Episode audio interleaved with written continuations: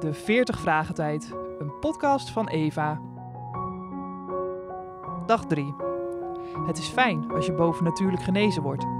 Maar wat is nu het nut van al die wondertekenen van Jezus? We lezen Lucas 10, vers 1 tot en met 24. De Heer koos 72 leerlingen uit. Hij stuurde hen twee aan twee op weg, naar alle plaatsen waar hij zelf ook heen wilde gaan.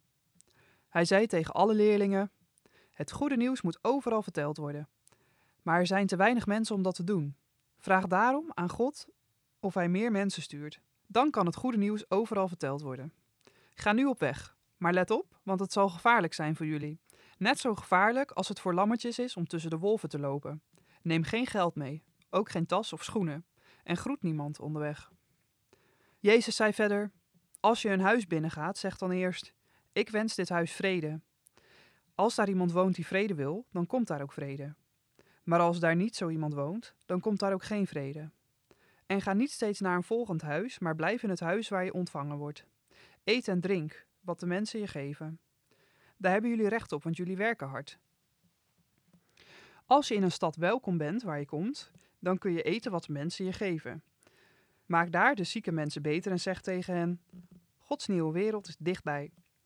Maar soms ben je niet welkom in een stad. Dan moet je de straat op gaan en zeggen: We vegen het stof van jullie stad van onze schoenen, want jullie hebben de verkeerde keus gemaakt. Maar denk erom: Gods nieuwe wereld is dichtbij. Luister naar mijn woorden. Als God recht spreekt over de wereld, zal hij zo'n stad zwaar straffen, nog zwaarder dan Sodom. Jezus zei ook: Jullie daar, inwoners van Gorazin en Bethsaida, jullie zullen gestraft worden. Jullie hebben veel wonderen gezien, maar jullie hebben niet geluisterd. Stel dat de mensen in Tyrus en Sidon al die wonderen meegemaakt hadden. Dan hadden ze al lang laten zien dat ze spijt hadden van hun fouten. En dan hadden ze hun leven veranderd. Luister, als God recht spreekt over de wereld, zal hij jullie zwaar straffen. Nog zwaarder dan Tyrus en Sidon. En jullie daar in Cavernaum. Denk je dat jullie welkom zijn in de hemel? Nee, jullie komen in de hel terecht. Tegen zijn leerlingen zei Jezus: Iedereen die naar jullie luistert, die luistert naar mij. En iedereen die nee tegen jullie zegt, die zegt nee tegen mij. En niet alleen tegen mij, maar ook tegen God die mij gestuurd heeft. De 72 leerlingen kwamen terug van hun reis. Ze waren blij en zeiden: Heer, zelfs de kwade geesten gehoorzaamden ons toen we uw naam noemden. Jezus zei tegen hen: Luister, jullie kunnen zonder gevaar op slangen en giftige spinnen gaan staan. Zo sterk heb ik jullie gemaakt. Niets kan jullie nog kwaad doen. Want ik heb gezien dat Satan uit de hemel gevallen is en zijn macht is kwijtgeraakt. Maar jullie moeten niet blij zijn omdat de geest jullie gehoorzamen. Nee, jullie moeten blij zijn omdat het eeuwige leven voor jullie bestemd is. Op dat moment liet de Heilige Geest Jezus juichen van vreugde. Jezus riep: Vader, Heer van de hemel en aarde, ik dank u, want u hebt al die dingen bekendgemaakt aan heel gewone mensen. Maar voor wijze en verstandige mensen hebt u de dingen verborgen. Ja, vader, zo wilde u het. Daarna zei Jezus: Alle macht die ik heb, heeft mijn vader aan mij gegeven. Alleen de vader kent de zoon, en alleen de zoon kent de vader. En de zoon vertelt over zijn vader aan de mensen die hij uitkiest. Daarna draaide Jezus zich om naar zijn leerlingen. En alleen tegen hen zei hij: Het echte geluk is voor jullie, want jullie zien alle bijzondere dingen die ik doe. Luister naar mijn woorden. Veel profeten en koningen hadden graag gezien en gehoord wat jullie meemaken. Zij hebben het niet gezien en gehoord, maar jullie wel. Het is fijn als je bovennatuurlijk genezen wordt. Maar wat is nu het nut van al die wondertekenen van Jezus? Het antwoord. Alleen via lijden en sterven bereikt Jezus uiteindelijk het koninkrijk van God. Daar loopt hij alvast op vooruit, door 70 volgelingen het land door te sturen om de mensen te vertellen dat het koninkrijk van de Messias eraan kwam. Dat zijn geen loze praatjes. De krachten van dat koninkrijk vergezellen de leerlingen als bewijs dat God naar zijn volk omziet. De realiteit van het koninkrijk wordt zichtbaar, doordat de leerlingen zieken genezen en demonen uitdrijven.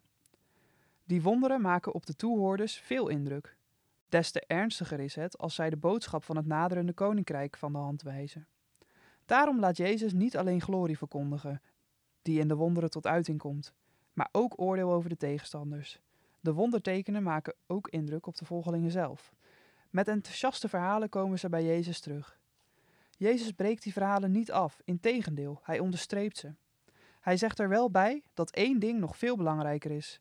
Het feit dat God jou kent en jouw naam in zijn boek heeft opgeschreven. Genezing en bevrijding zijn prachtig, maar in Gods handpalm geschreven te staan is nog veel prachtiger. Het aantal mensen dat de boodschap van de 70 afwees, was helaas heel wat groter dan het aantal mensen dat hun boodschap aannam. Het WU van vers 13 was helaas realiteit. Je zou je kunnen voorstellen dat dat bij Jezus tot grote teleurstelling moet hebben geleid.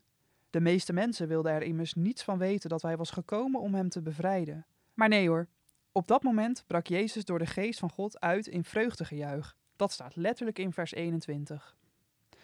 Jezus juicht over het feit dat de verheven dingen van God niet gepakt kunnen worden door de mensen die wijs in eigen ogen zijn, maar alleen door de mensen die geleerd hebben als de kinderen te zijn.